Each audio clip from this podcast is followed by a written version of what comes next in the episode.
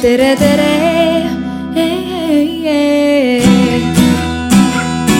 Eestimaa.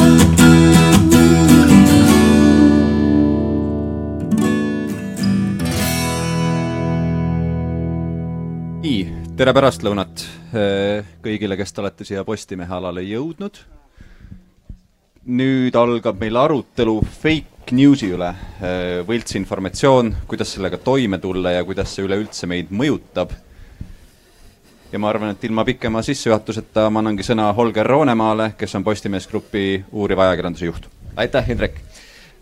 Mul on väga hea meel näha nii palju inimesi meie vestlust siin äh, kuulamas ja õnneks praegu veel vihma ka ei saja, et, et kui, kui hakkab sadama, et siis mahub siia varjude alla kindlasti ära. Ma panin selle vestluse pealkirjaks äh, fake news, aga, aga fake news terminina on kindlasti see, mida ma ei soovita kellelgi kasutada, äh, kuna tegemist on juba aegunud ja, ja, ja kindlasti oma esialgse äh, mõeldud tähenduse kaotanud terminina, aga ta lihtsalt kõlab nii hästi ja, ja sellepärast ma kasutasin sellist clickbait'i võtet, et meelitada rohkem inimesi siia tulema, nii et kes puhtalt pealkirja pärast tulid vaatama, et mis räägitakse, siis palju õnne, te langesite clickbait'i ohvriks ja mul on väga hea meel selle üle.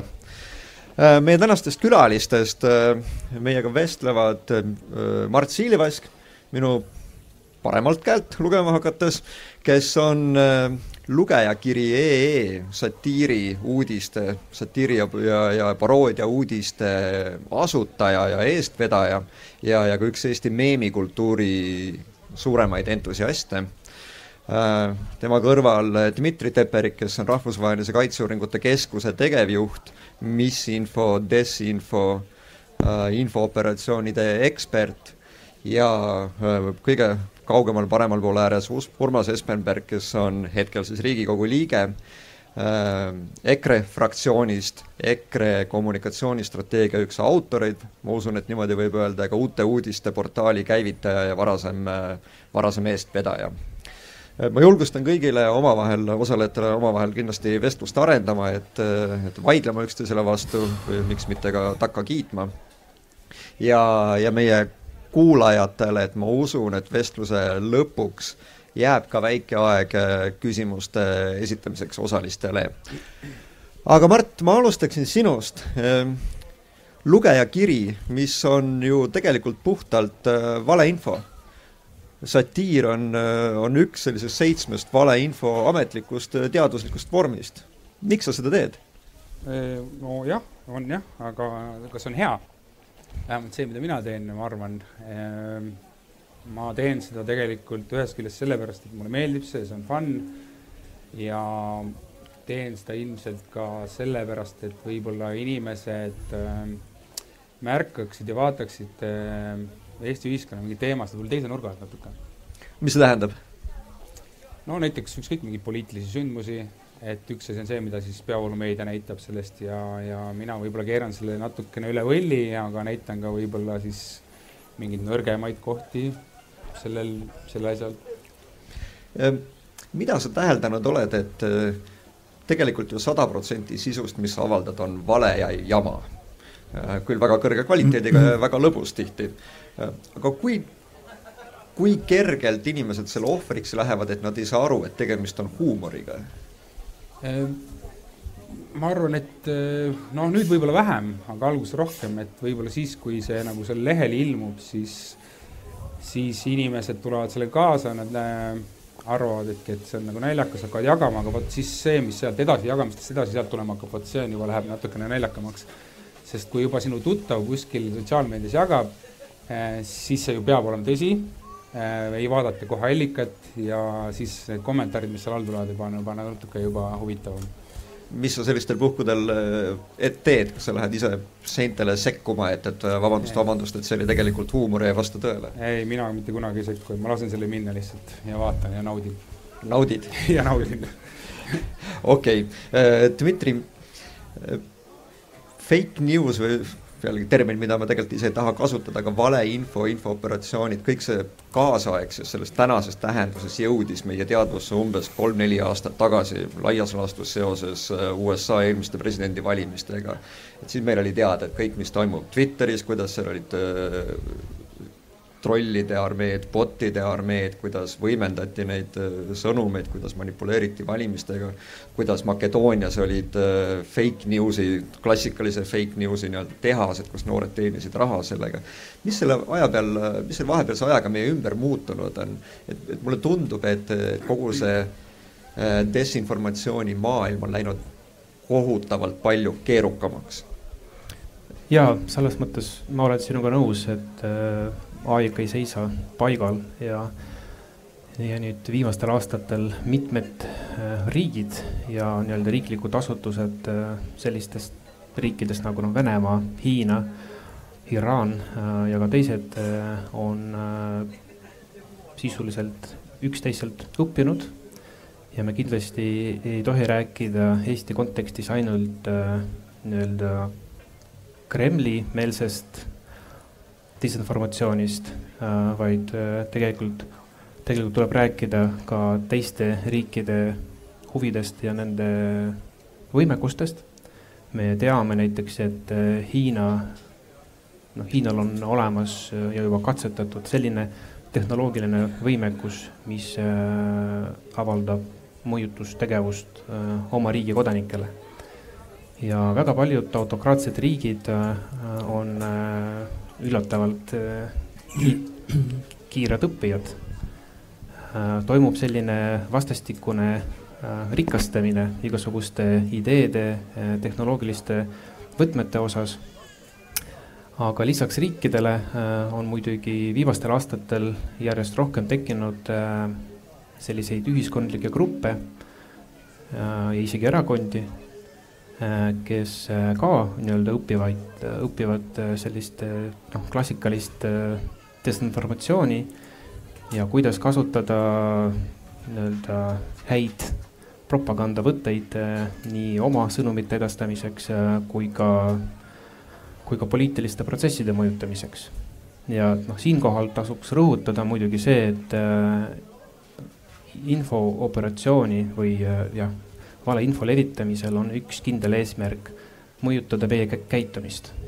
see, mida keegi kuskilt loeb või arvab, selles mõttes noh, see ei ole, ütleme nii, nii tähtis. tähtis on see, kui inimene ise äh, pärast nii-öelda info tarbimist otsustab midagi teha või äh, jätta tegemata. vot see on see oluline osa, millest me peamegi noh, aru saama kuidas info tarbimine viib konkreetsete käitumismustriteni ühiskondlikul tasandil ja iga nii-öelda konkreetse inimese peas.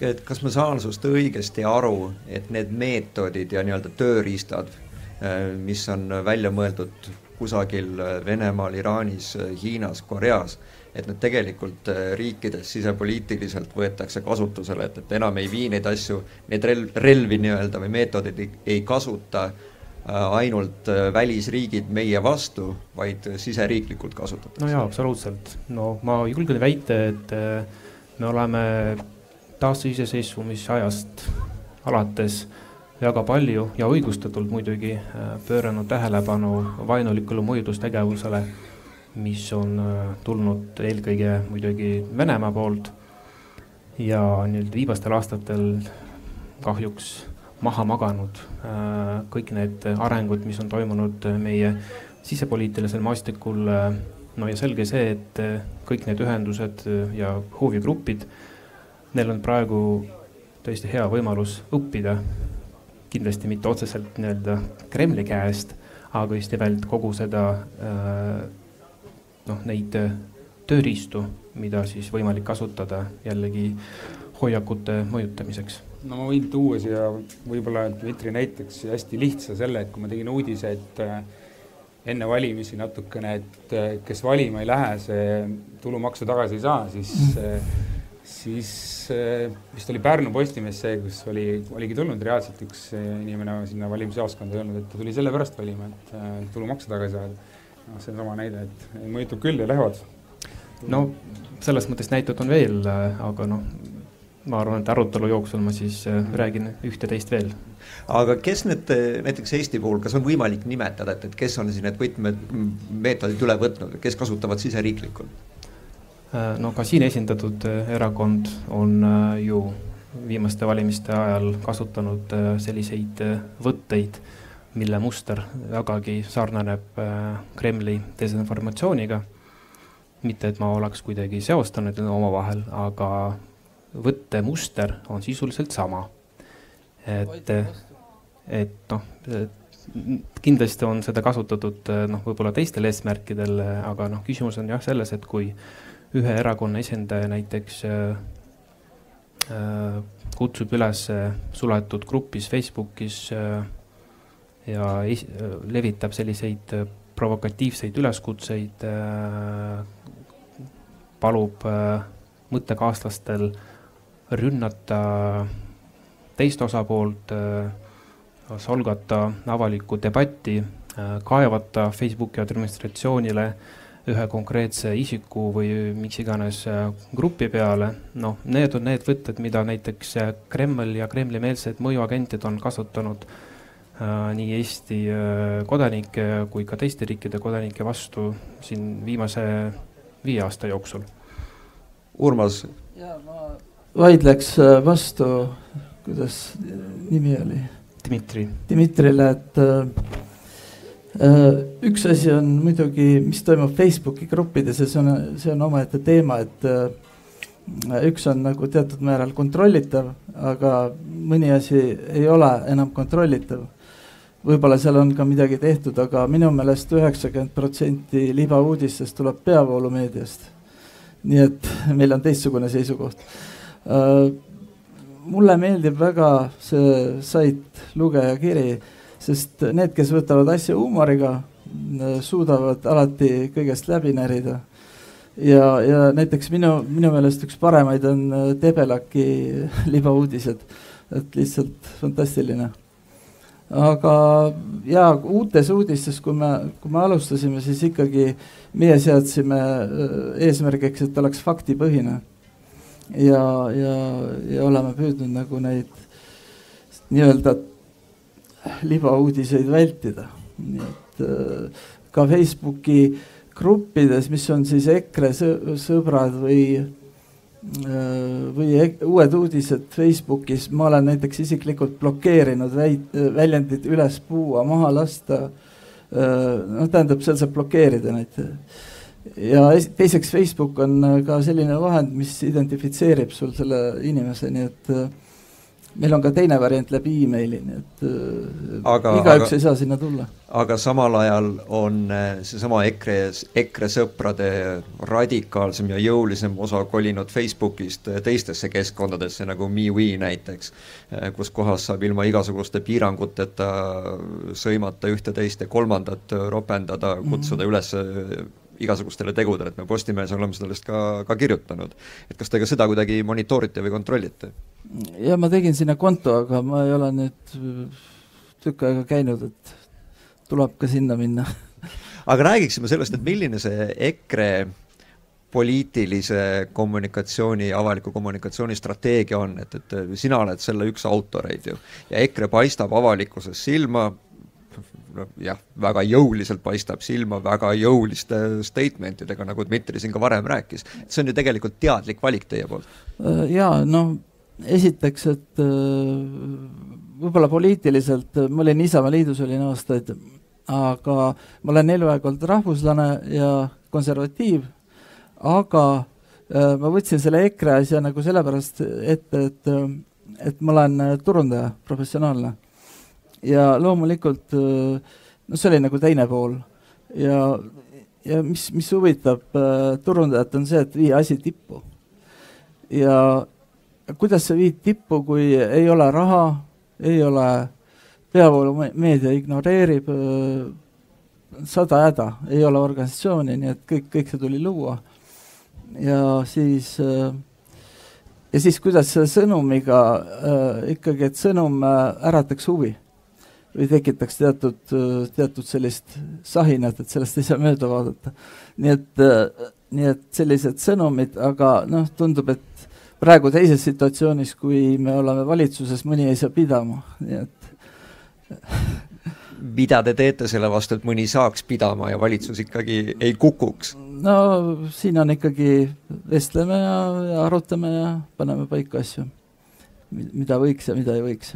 Aga tegelikult see tõstatab nagu palju sellise filosoofilisema küsimuse, et kust kohast läheb piir äh, poliitiliste veendumuste, poliitilise kommunikatsiooni, propaganda ja valeinfo vahel. kas EKRE-s on see paika pandud?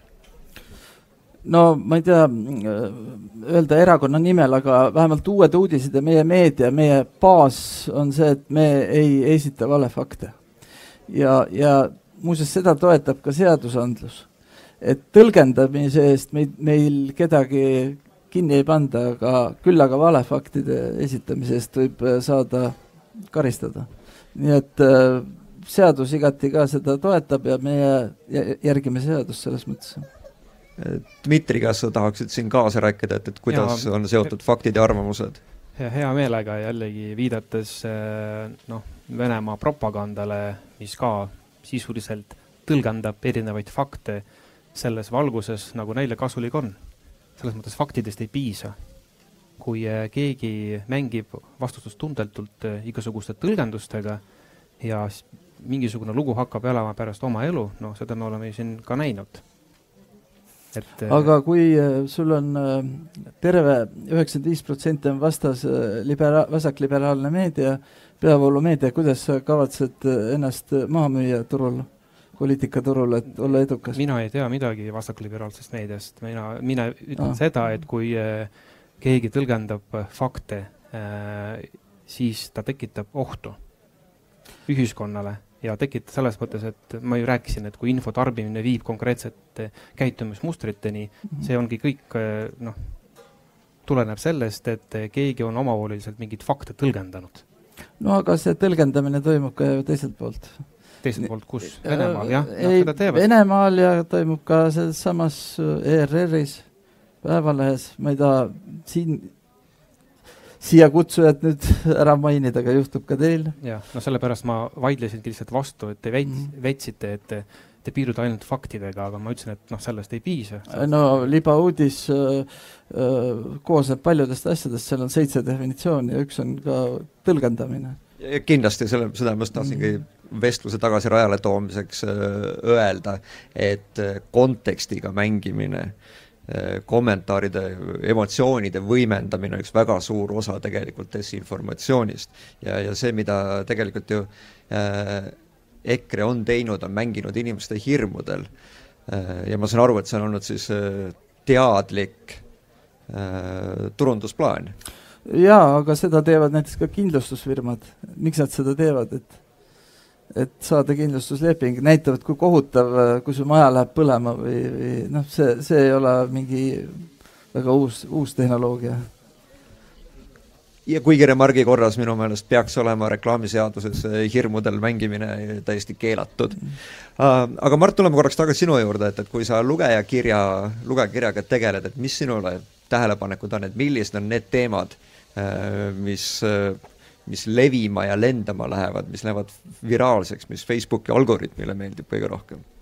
täiesti võimatu isegi öelda, et äh, mõne loo pool ise itsitan mitu tundi ja ei saa midagi, aga siis kirjutan mõne kahe minutiga mingi loo valmis, kuidas poisid lõhuvad, lõhuvad jääd ja siis selle asemel, et nutitelefonis istuda ja siis sellest saab Eesti kõige jagatum lugu sotsiaalmeedias et äh, aga tegelikult äh, loomulikult samamoodi igasugused äh, poliitikateemad, siis igasugused keelud, et kui sa jõulukuuske enne kuuendat augustit või pärast kuuendat augustit välja ei vii, sa saad kaks, kakssada eurot trahvi.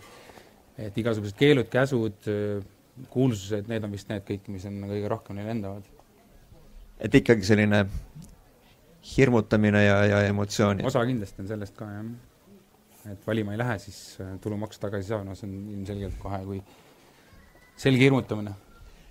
kas sa täheldasid enne Riigikogu valimisi ka niisugust valimiste eelsel ajal sellist suurenenud huvi ja, ja, ja tähelepanu lugejakirjale, kas, kas inimesed olid aktiivsemad ja vastuvõtlikumad sellele, mis sa kirjutasid uh,? väga raske küsimus või ei, ei niimoodi küll ei oska öelda. enne valimisi selles mõttes poliitilised uudised lendasid kindlasti, jaa, seda küll.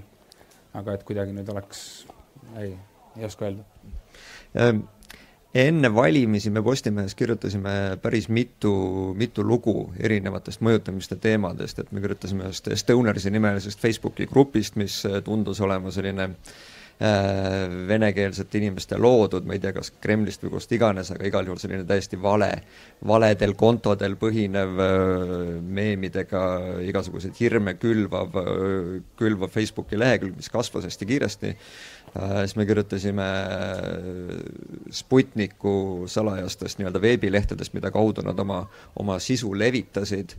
Äh, muuhulgas kirjutasime siis ka, ka nendest niinimetatud EKRE trollidest, aga, aga kui sellel Vene teemal korra veel peatuda, et, et siis enne valimisi tegelikult see kardetud Vene oht Eesti, Eesti valimiste juures ei, ei realiseerunud, ei ole ka tagantjärgi kuulda olnud, et et midagi nii hullu oleks, oleks olnud, et venelased oleksid tahtnud mõjutada meie valimisi. Dmitri, kas äh,, kuidas Kaitseuuringute Keskuses silma paistis? no jaa, selles mõttes äh, tõesti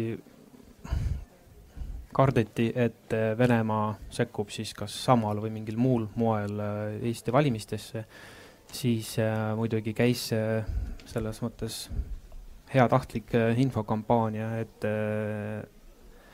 et Venemaale Eesti valimised huvi ei paku, sest kohe pärast on tulemas Euroopa Parlamendi valimised, et Venemaa paneb või panustab sellele pigem, et, et meie kohalikud valimised üldse ei ole, ei ole see teema. Äh, ja noh, muidugi arvati, et Venemaa võib seda mõjutada või sekkuda siis näiteks äh, küber äh, võtte, võtteid kasutades, no ka seda ei, ei olnud. aga mida meie täheldasime, on üks huvitav tulemus, et me monitoorisime Eesti venekeelseid sotsiaalmeedia võrgustikke ehk siis kõik need avalikud venekeelsed postitused Facebookis ja VK-s kontaktis, mis on postitused ja kommentaarid siis, mis on loodud Eesti venekeelsete kasutajate poolt alates eelmise aasta novembrist kuni selle aasta märtsikuuni. Ja täheldasime, et nii avalikult kui ka suletud gruppides on üsnagi kunstlikul moel võimendatult levinud sellised üleskutsed, äh, mille sisu lühidalt öeldes on selline, et äh, ärge minge valima. et Eesti on etno, etnokraatlik riik, äh, kohalikest venelastest niikuinii ei sõltu midagi, isegi kui teil on võimalus valida, no ma mõtlen, kui teil on see õigus, kui te olete Eesti kodanikud, seda ei tasu teha, teist ei sõltu mitte midagi, no ja nii edasi. Neid sõnumeid oli seal üksjagu, aga nii-öelda see põhisõnum oli see, et ei, ei, ei tasu minna valima. no ja tagantjärgi vaadates äh, äh, valimisaktiivsust äh, Narvas, Ida-Virumaal, Lasnamäel äh, ja võrreldes näiteks eelmiste aastate valimisaktiivsusega, siis äh, ma arvan, et äh, need üleskutsed, mis olidki kunstlikult äh, võimendatud äh, ja vägagi palju selliste mõjuagentide, kohalike mõjuagentide poolt äh, üles köetud ja koordineeritud siis ma arvan, et osaliselt äh, see tulemus äh, noh, kandis vilja. et äh, kohalikud venekeelsed kodanikud ei läinudki valima. see on äärmiselt äkki neil ei olnudki valimisõigust? et te mõtlete neid ma räägin Eesti kodanikest okay.. et kunstlikult ja võimendatult, mis sa silmas pead? no selles mõttes, et kui on teada, et näiteks mõnede, mõnede profiilide taga on kohe näha, et prof-, profiili aktiivsus ei saa olla ainult ühe konkreetse inimese nagu hallata, et äh, ta on niivõrd aktiivne, et äh, seda noh, haldab grupp inimesi näiteks. või äh, kui on teatud jällegi suletud või avatud grupid Facebookis ja VK-s, kuhu iga viie või kümne minuti jooksul paistatakse mingisugust infot, meeme muuhulgas, mitte sinu omi, aga teisi, siis keegi ju neid toodab selles mõttes, ega nad ei, ei teki juhust, kui kuskilt ei kuku taevast. kas te suutsite ka identifitseerida, et kes, kes seal taga oli? Äh, no see ei ole selles mõttes meie töö, õnneks meil on olemas äh, niinimetatud süvariik ja kapo, eks ole, las nad tegelevad sellega, meie eesmärk oli näidata, et mingil määral äh, see mõjutustegevus toimus ja sellega eelkõige olid seotud mm, Eestis elavad äh, noh, mis iganes need kaaskodanikud äh, või mõjuagendid, kuidas me neid tembeldame neid, aga põhimõtteliselt äh, mingi katse ikkagi oli. aga ma saan aru, et, et see siis pigem tundub olema selline ka Eestist väljas siis Venemaal, Venemaa poolt suunatud aktsioon, mitte siit seestpoolt korraldatud? no seda on raske öelda, sest selliseid ideoloogiliselt üles köetud kasulikke ideood äh, ei olegi vaja nagu juhtida nagu Kremlist, nad ise teevad äh, palju asju nii-öelda vabatahtlikult. nii et äh, aga vähemalt see osa on, on, on nüüd kindel, et need üleskutsed tõesti levisid äh, üsnagi kunstlikul moel. ja väga tähtis on, et äh, inimene, inimene oleks haritud või noh, tunneks ära selle valeuudise ja kuigi mõttemaailm on väga rikas ja põhineb kaheksakümmend viis protsenti emotsioonidel, infot on väga palju, siis mõtlemise loogika on alati väga lihtne, see koosneb kolmest osast, mõiste, otsustus, järeldus. ehk formaalloogika, et inimene paneb selle ise asjad kokku, et Orban, näiteks ütleme, võtame sellise näite, et Orban äh,, Orban, Orbanile ei meeldi massiimmigratsioon. ja väide kaks on, et Äh, need, kes on massiimmigratsiooni vastu, on ebademokraatlikud inimesed. järelikult ja vot niimoodi käib, käib see mõtlemine, dialektiline mõtlemine, kes võtab arvesse kõiki asjaolusid, seda valdavad väga vähesed inimesed, nii et see on nüüd, äh, et kuidas need uudised levivad. Äh, teine asi on, tuleks vaadata, kes on autor, mis on allikad, kas ei viida kuskile lehele mingisuguse tag'iga ära sealt, äh, nii et äh, seda palju väga, seda ju üldse ei tehta ju, või väga väga tehakse, väga vähe tehakse. väga vähe jah, Eestis küll. milline teie tundmus siis on, et kui, kui hästi me tegelikult oskame aru saada, ennast ümbritsevat ära tunda ja aru saada, et see, mis meiega tehakse, et see ei ole normaalne, et, et see siin ümber on, on valeinfo?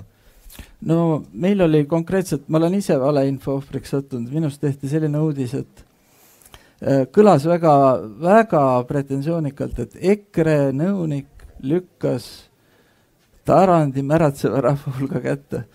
tegelikult on, oli see vale uudis selles mõttes, et äh, seal juhtus kaks asja, üks oli see, et äh, lihtsalt äh, ajakirjanduslik lohakus, kaamera võttis eest äh,, sa ei näe, mis seal taga toimub, eks ole äh,. teine kaamera võttis külje pealt õnneks ja, ja näitas kõik ära äh, lihtsalt natukene püüdsin teda sealt puldist. et see ei olnud lükkamine, oli natukene õrnalt no, püdimine? jah, ja nii et fakt oli see, et ma ei lükanud teda alla ja ta hüppas ise, nii et äh, näide kaks, äh, me-, Mary Kross väitis, et teda loobiti kividega Stroomi rannas. ja see on nüüd faktivale ja siin on tagajärg on see, et ta on äh, uurimise alla sattunud nii et, äh, et äh, ja alguses noh, mõtlesin, et võib-olla tõesti, aga ja siin on ka, kuidas konservatiivid ja liberaalid, äh, on tehtud uuringuid, näiteks Nottinghami mm, ülikool Inglismaal tegi uuringu, kuidas liberaalid ja, ja konservatiivid võtavad vastu neid libauudiseid. muidugi usuvad mõlemad tahavad uskuda, kui see uudis neile meeldib, aga äh, libera-, äh, konservatiivid kasutavad rohkem kõhutunnet ja, ja liberaalid on noh, veendunud oma õigsuses rohkem, nii et erinev lähenemine. kas siin see probleem ei ole see, et, et äh, äärmuses äh, olevad, olevad inimesed on nii tugevalt oma sellises mullis ja mõttemaailmas kinni, et nad lihtsalt ei, ei suudagi objektiivselt korraks nagu sealt mullist kõrvale astuda, et, et vaadata, et, et mis tegelikkus ümber on? kas see nüüd uuring, millele te viitasite, nüüd väidab mida konkreetselt, et äh, maailmavaated mõjutavad meie ja. tarbimist ja. või? mitte tarbimist, muuseas äh, libauudiseid on väga palju, me räägime ainult poliitikast, libauudiseid on meditsiinis, libauudiseid on äh, toitumises ja, ja teate, milline oli maailma esimene libauudis? väidetavalt oli see Kadeshi lahing mida Ramses tulles koju ütles Egiptuse rahvale, et ma võitsin vägevalt, lõin neid vägesid, tegelikult oli ta hoopis lüüa saanud. nii et äh, ja, ja, ja teine oli äh, siis äh, Marcus Antonius, tema on joodik. Octavi-, Oct-, Oct-, Octavianus lasi siis selle müüdi lahti. Aga mis see küsimus oli, jaa, tahtsingi vestluse tagasi ra-, rajale tõmmata, et, et Dmitri, sa, mulle tundub, et sa sooviksid õrnalt vastu vaielda sellele mõttele, et et sõltuvalt sellest, kas inimene on liberaalne või, või äh,, või, või konservatiivne see uuring jah, ma, et ma ei eksiks siin faktide võtab, vastu. võtab ühtemoodi valeinfot vastu. siis panin selle ka ilusti mulle kirja aga nagu ikka need äh, Nottingham Trenti ülikool ja äh, see, selle uurimisrühma juht oli keegi Harper, vot alati peab ka nimesid äh, jaa, ega me selle uuringu valiidsuses niikuinii siin lava peal praegu, praegu selgusele, selgusele ei jõua aga ma võin sulle pärast sellest rääkida, siis äh, läheb. jaa, aga ma selles mõttes küsisin üle, et mis on see põhi, põhijäreldus, et maailmavaade mõjutab nüüd mida täpselt? mõjutab siis, et kuidas inimesed libauudiseid hindavad. Kas nad usuvad neid või ei usu, et see vastuvõtu pool on ka väga tähtis. okei okay,, ja kui, ja kui minu maailmavaade muutub, siis ka muutub nii-öelda see võimekus võib-olla jah, et võib-olla sulle näiteks üldse ei meeldi konservatiivid ja sa võtadki kõike läbi selle prisma mm. -hmm huvitav. Äh, liigume edasi meemide juurde, ma tahaks, äh, Mart, rääkida sinuga äh, meemidest, et miks need meemid nii võimsad on? Tegelikult seal peal on info väärtus seal peal fakti väärtus seal meemi peal on ju olematult väike, nendega on võimatu isegi vaielda või midagi ümber lükata aga mm., aga, aga ometi nad tunduvad nagu nii võimsad olema. ma vaidleks vastu, selles mõttes nad on just vastupidi, väga sisukad ju. Ehm, see, et see tundub nagu selline lihtne ja labane, tegelikult ei ole nii, seal on ju konkreetselt mingi pilt, seal on mingi konkreetselt mingi sõnum, inimese peast tekivad mingid omad seosed ja, ja, ja see on vastupidi, just väga lihtne, teda on lihtne tarbida, ehm, teda on lihtne levitada, ehm, teda on lihtne teha, kui oskad ja sellepärast ma arvangi, et nad on nii populaarsed, eriti just noorte hulgas. et sa ei pea sinna väga pikalt süvenema, sa vaatad sinna peale, sul tekib mingi oma seos, sa kas jagad seda või ei jaga, sulle meeldib või ei meeldi, sa lased selle edasi või mitte, et äh, minu arvates väga äge, äge ja lihtne ja geniaalne asi. kui palju oled sa, oled sa kohanud ka siin Eesti meediaruumis sellist äh, manipuleerivaid meeme või, või desinformeerivaid meeme? Eh, neid ma tegelikult olen vähe, et äh, neid EKRE omi, mis enne valimisi oli, neid ja ma noh, neid ikka jooksis ju vahepeal kas keegi nägi seda kolmsada Spartalast? sellist meemi on keegi näinud? ei ole, seal olid noh, ühesõnaga need poliitikute näod olid siis äh, asendatud mm. -hmm. no see oli see viimane, teine versioon, see Pärsia või Iraani kus need iraanlased olid nagu koletised selle versiooni põhjal tehtud. ta oli hästi naljakas. ja nad on naljakad. millist perspektiivi sa näed, mis tähendab, et kas Eesti poliitiline näiteks järgmiste valimiste eel selline meemide osatähtsus ka täiesti legit legaalsetes või täiesti okeides reklaamikampaaniates muutub äh, peaks muutuma kuidagi märkimisväärselt olulisemaks. kui teised Eesti erakonnad peale EKRE seda ei tee, siis nad on lihtsalt lollid, kui nad ei tee seda et äh, nad peaksid seda päris kindlasti tegema. ja, ja ma usun, et seda tehakse ka.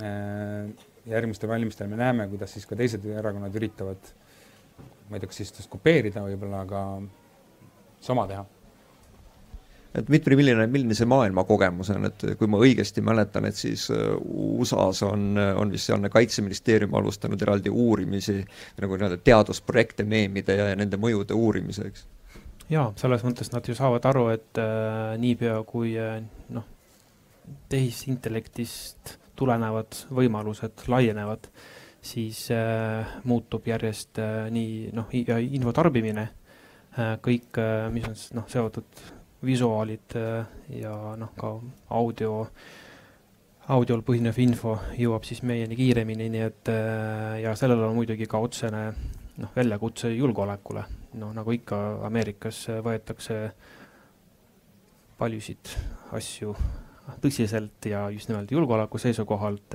siis, siis ka see teema on, mida nad uurivad üsna, üsna põhjalikult.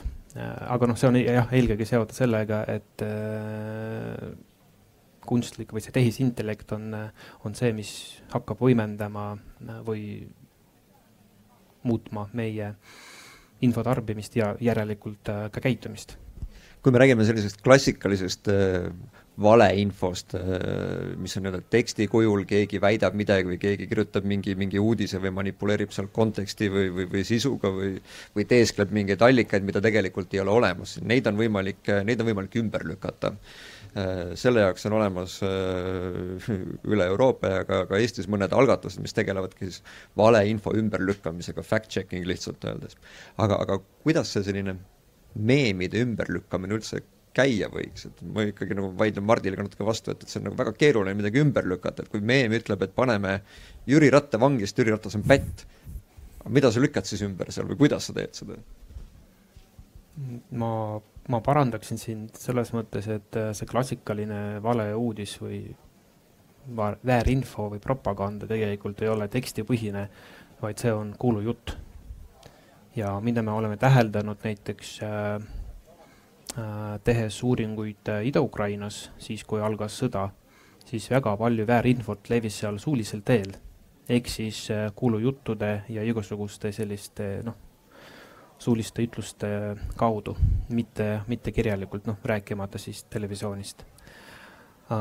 jah, sellest juba lähtuvalt kogu see suuline väärinfo jõudis noh, näiteks sotsiaalmeediasse ja kui mõni ajakirjanik võttis sealt ja siis noh kirjutas midagi, see on teine teema, aga jah, see suuline viis on endiselt vähemalt mõnedes riikides täiesti, täiesti toimiv mehhanism. ma täiendaks veel Dmitrit, et ma just hiljuti kohtusin siin Ukraina ohvitseridega ja nad kurtsid, et tegelikult nendel valeuudistel on ka teatud reaalne aluspõhi.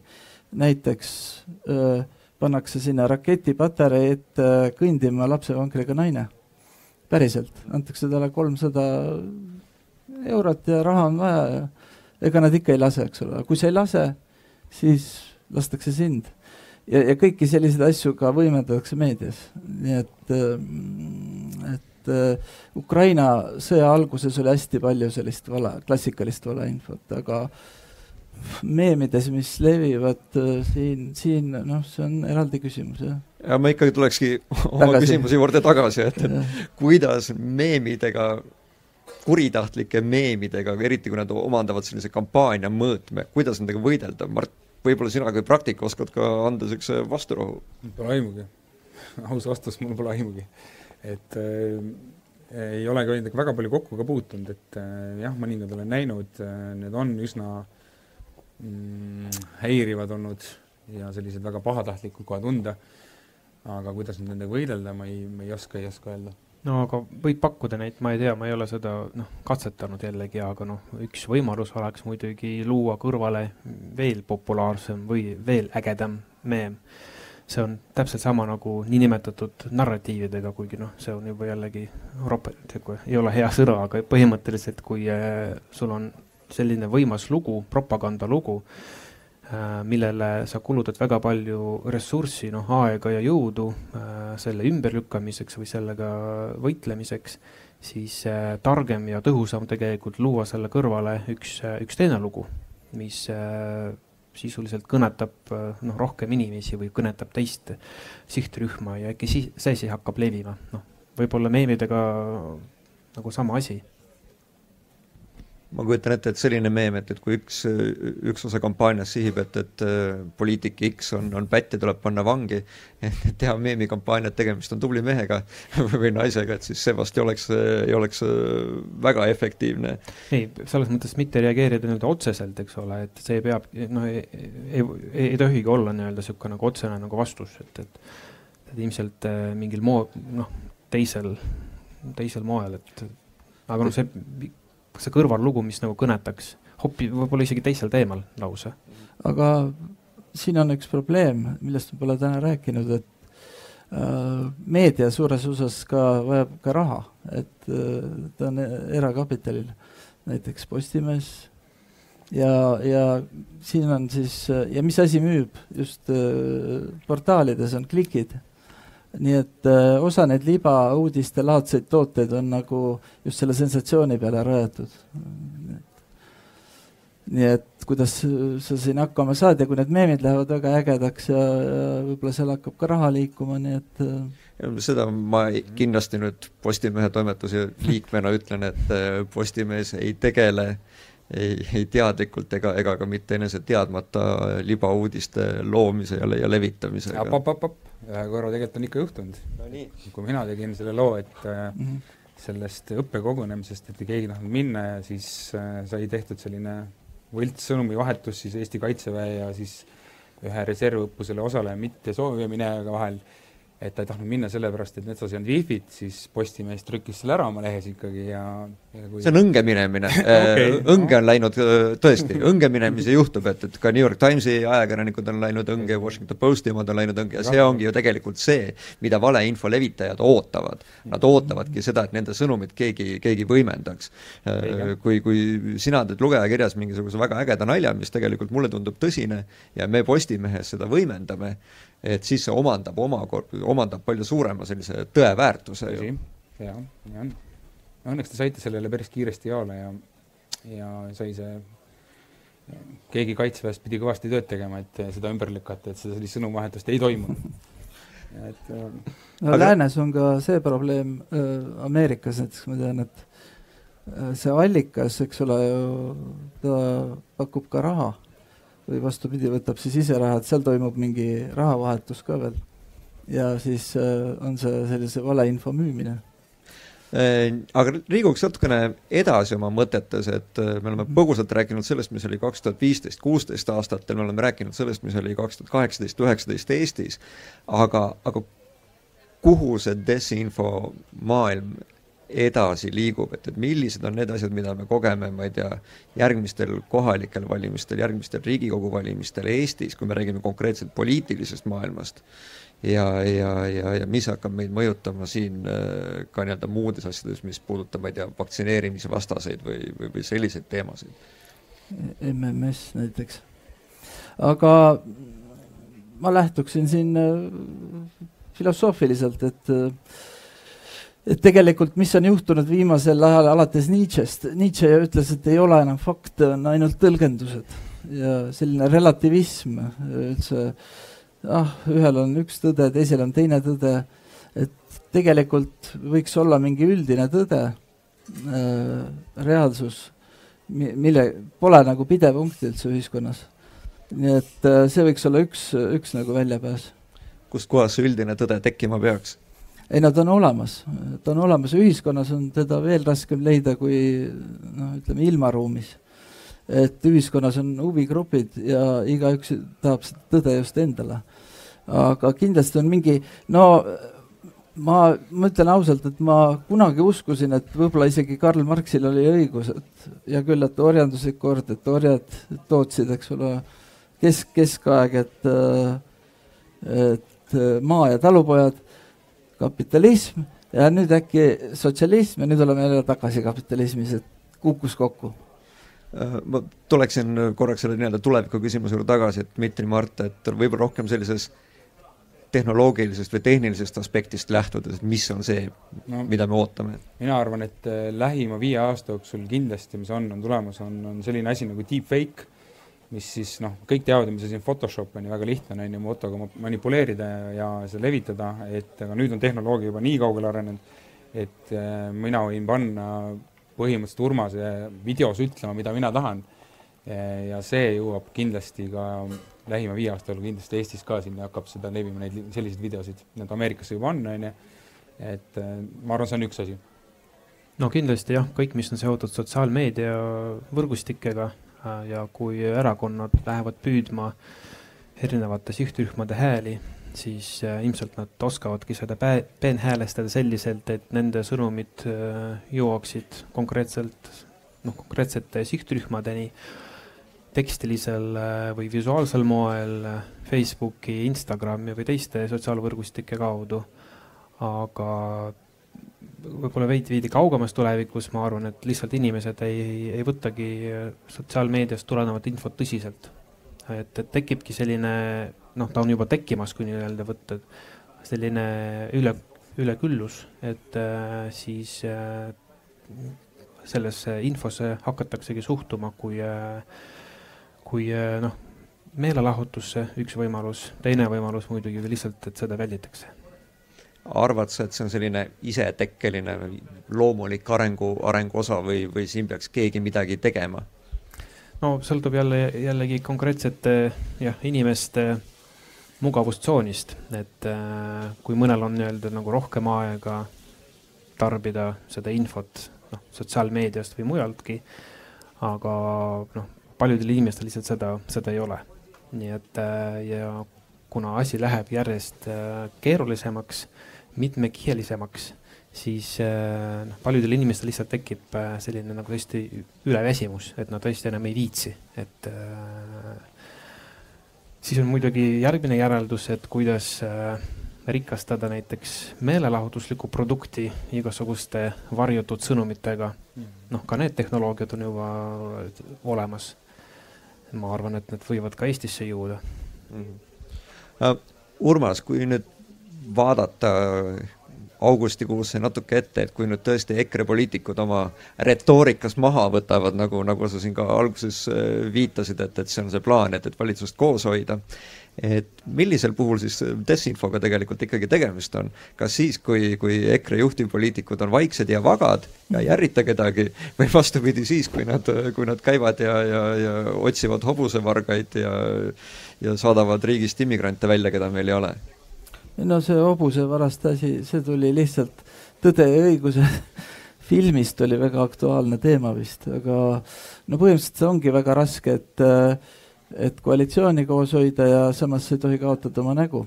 et, et kindlasti ei saa öelda, et neid, neid ei tule, aga näiteks, mis ma olen teinud ja, ja mis töötas, oli, et kui ma kirjutasin väga negatiivse asja, ma panin sinna juurde satiir selle peale äh, alguses Vilja Savisaar oli väga tige, aga saades aru, et see oli satiir, siis ta leebus. nii et äh, noh. kõik antakse andeks kohe. jah, äh, nii et väga, väga raske, aga üldiselt jah, mm, nii ta on. hea küll äh,, hakkame vaikselt otsi kokku tõmbama, et ma teen sellise kõigile ühe küsimuse ringi lõpuks ja siis avame, avame ka põrandale küsimusteks mõneks minutiks mikrofoni. ma tahaks teie kõigi käest küsida, et kui teie peaksite nüüd homme hakkama korraldama Eestis äh, mingit valeinfokampaaniat, kuidas te seda teeksite, mis oleks need võtted, mis oleks need kanalid, kuidas kõige paremini inimesi petta ja panna uskuma? Mart? mina juba korraldan seda tegelikult vormis, et iga päev, et äh, mina või selles mõttes ma saan rääkida sellest, mis tegelikult ka juhtub, et, et ma ju praegu teen seda praktiliselt üksi. sügisest ikkagi ma hakkan seda tegema semiprofessionaalselt, inimesi hakka-, me hakkame rohkem inimestega koos seda tegema, enne sinna tulevad juurde videod, intervjuud. et see ongi minu vastus, mina teen seda igapäevaselt ja läheb järjest suuremaks asi lihtsalt. kas ma sain nüüd õigesti aru, et, et kui mina peaks korraldama just nimelt valeuudiste infokampaaniat. just. okei okay. äh,. siis äh,, siis ma kaardistaks ära, mis on äh, ühiskondlikud või jah, ühiskondlikult haavatud grupid Eestis ja läheneksin äh, neile nii suulise valeinfo kui ka, kui ka visuaalse valeinfoga.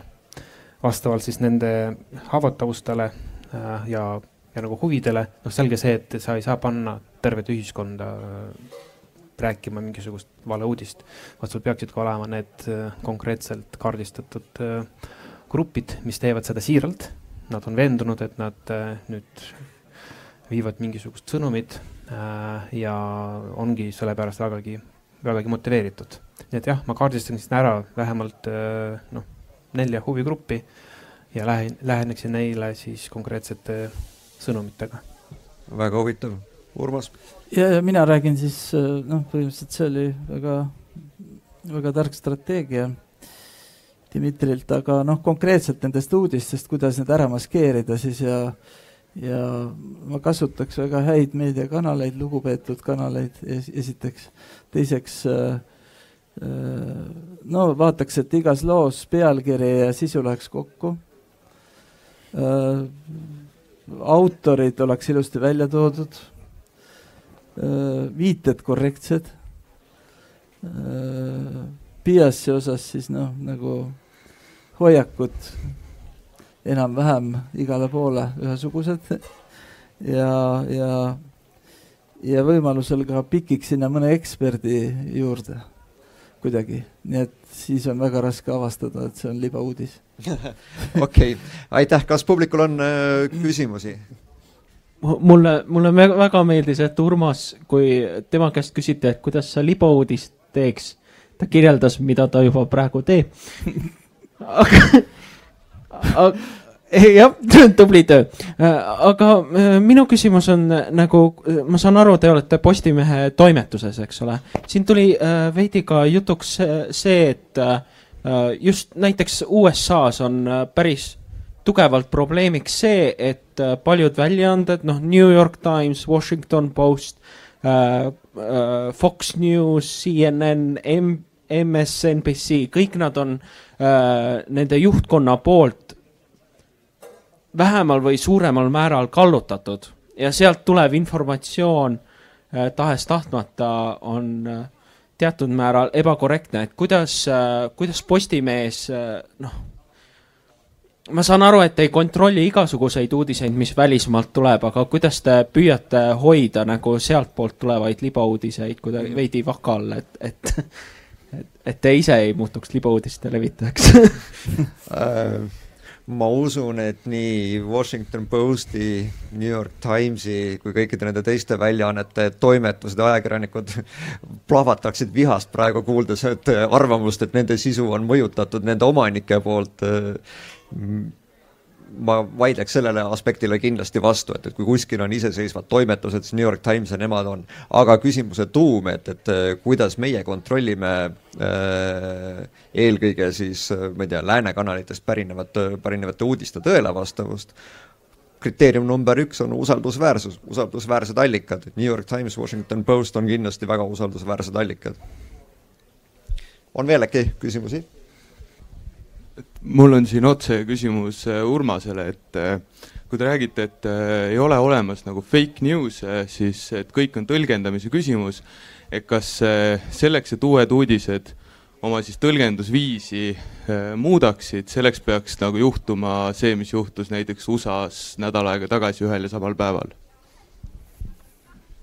no ma ei tea, ma toimetuse töös enam ammu ei osale aga ma ei ole seal otseseid üleskutseid vägivallale nagu, nagu näinud. nii et äh, ja ma ütlesin ka, Facebookis on keelatud nende, nende levitamine, selliste otseste äh, vägivalla sõnumite levitamine. aga päästaksin hoopis mitte see, et midagi ära keelame, vaid et, et, et liberaalne ja konservatiivne oleks tasakaalus rohkem. ja noh, mujal maailmas on nii, et noh, näiteks meil võiks ka olla, et Postimees on konservatiivne äh, ajaleht ja, ja ütleme näiteks Õhtuleht on seal äärmusvasakpoolne ja, ja siis näiteks noh, ütleme ERR on siis ütleme kuskil kesk, keskpaigas. et, et sest kui sa iga loo juurde tahad panna näiteks äh, noh, hirmsasti tasakaalu taga ajada, et panen Postimehesse parempoolse, siis kõrvale kohe vasakpoolse, siis see ka ei toimi. Tegelikult see küsimus vastutusest on äärmiselt oluline, et, et kus kohas see piir tõmmata, et tuletame siin meelde ka äh, lähemalt juhtumit Gdanskis, kus Gdanski linnapea otse laval kõnet pidades põhimõtteliselt pussitati surnuks ja see pussitaja konkreetselt sai oma tegudele inspiratsiooni sellest nii-öelda Poola äh, rahvustelevisioonis kõlanud järjepidevast äh, viha õhutamisest, et see on äärmiselt oluline küsimus äh, selle teema juures. siin Serval oli üks küsimus. selle aasta kevadel tuli välja uuring Euroopa Komisjonilt, mille alusel siis Eesti elanikud on Euroopa Liidus kõige vähem kriitilised ohtude osas, mida valeuudised demokraatiale kujutavad põhimõtteliselt sellest lähtuvalt ma küsin äh,, mida teie arvate, et me peaksime muutma oma haridussüsteemis ja selles, kuidas me ühiskonnas valeuudiseid käsitleme, et inimesed ei langeks selle õnne, äh, õnge, et nad kontrolliks näiteks, kust need uudised tulevad, kes seda rahastab ja nii edasi? Äh, ma ah,, ma, ma vähemalt paar sõna selle kohta tean, et äh, esimene programm nüüd avati Taiwanis mis õpetab ära tundma, noh, koolilapsi üldse seda infomüra, infoprügi ja, ja, ja valeuudiseid, aga aga Eestis ilmselt see ei ole väga, väga kaugele jõudnud. saad lisada äkki? Kui mina, minu arvamus on, et kui riik teeb mingi kampaania või ma ei tea, kes iganes need seal teevad, see Kaitseliidu juures Propastop ütleb, et ärge lugege fake uudiseid, libauudiseid, et siis see noh, inimestel jookseb see mööda külgi maha, ma arvan, et see, mida lugejakiri on kümme kuud olnud, on juba nüüd töös, et see on jõudnud hulga rohkemate inimesteni ja selleni, et on tekkinud inimeste arusaam, okei okay,, see on satiir, on ju, aga küll, aga ikkagi see, et mis see, mis see libauudis on. ja, ja võib-olla sealt siis on edasi ka juba natuke lihtsam minna, kus see, et, et kui juba on juba nagu need nii-öelda need radikaalsemad libauudised, on ju, et, et kuidas neid siis ära tunda et äh, jah, ma arvan, et see töö on nagu osaliselt juba ja, mul on lühike vastus, kriitiline mõtlemine, ega, ega muu aita ei vasta, et kui, äh, kui libauudiste näol on tegemist rumalusega, siis selle vastu aitabki kriitiline mõtlemine. no ma... seda, ja seda on võimalik õpetada ka koolis. Ja ma usun, et äh, võib-olla see ring jookseb, hakkab ka teistpidi jooksma, et, et see, mis äh, noored kogevad ja aru saavad ja ära tunnevad, et nemad viivad selle teadmisega koju oma vanemate juurde. sest ma tegelikult usun, et, et keskealine natukene vanem grupp ühiskonnast on võib-olla palju haavatavam valeuudistele kui, kui noored. on meil veel küsimusi? et ma eriti ei tea, kust alustada, kas võt-, see rääkida, et kuidas äh, meie need otsingumootorid mõjutavad meil neid otsimistulemusi näiteks selle fake uudistega. et näiteks ma olen uurinud seda, et kui sa Google'iga näiteks guugeldad, et äh, kõik selle äh, presidendivalimistega kaks tuhat kuusteist, see Donald Trump ja see Hillary Clintonitega, näiteks Hillary Clintoni nende meili probleemide ja sellise skandaaliga ütleb nagu leebemaid asju, aga kui ma võtsin näiteks teise äh, otsingumootori, näiteks äh, DuckDuckGo, siis sealt ta rääkis rohkem kriitikat asja, nagu rohkem kriitikat. et kas see tähendab seda, et suured otsingumootorid tänapäeval mõjutavad meil ka neid otsimistulemusi ja räägivad aina rohkem libauudiseid, aitäh Dmitri, see võiks äh, sulle. jaa, absoluutselt nõus, selles mõttes, et on juba selge, et äh, need tehnoloogia äh, noh, gigandid selles mõttes, need suurfirmad, Google, Facebook, osaliselt ka Microsoft, need on need korporatsioonid, mis otseselt mõjutavad meie, noh, mitte ainult meie, vaid tegelikult ka globaalset infotarbimist et küsimus on selles, et äh, kas, äh, kuna nad ei, ei asu Euroopas, siis noh, meil on küll võimalik mingil määral neid mõjutada, aga, aga mitte väga palju. et äh, see, see võti on muidugi Ameerika valitsuse käes ja teades nüüd tehnoloogilist konkurentsi Hiinaga mulle tundub, ma võin eksida, aga mulle tundub, et Ameerika valitsus ei olegi huvitatud, et need tehnoloogia ja äh, suurettevõtted kuidagi äh, äh, saaks nõrgemaks, vaid vastupidi. see on ameeriklaste šanss olla Hiinast natuke eespool ja ma ma arvan, et tegelikult nad lähevadki seda teed mööda, et neil tekibki selles mõttes niisugune allianss nii Ameerika valitsuse kui ka nende võimsate tehnoloogiaettevõtete näol äh, selleks, et äh, võistelda Hiinaga. no olgem ausad, kui Facebook ei oleks ja Facebook ei kuvaks uudiseid praegu sellisel kujul, nagu ta seda teeb, siis äh, ei lugejakiri ega ka uued uudised ei oleksid kindlasti nii populaarsed. praegu ei ole vahet, kas on uued uudised, lugejakiri või see on Postimees, need näevad täpselt samasugused välja Facebookis ja see ju lisab neile usaldusväärsust automaatselt ja jagatakse kohe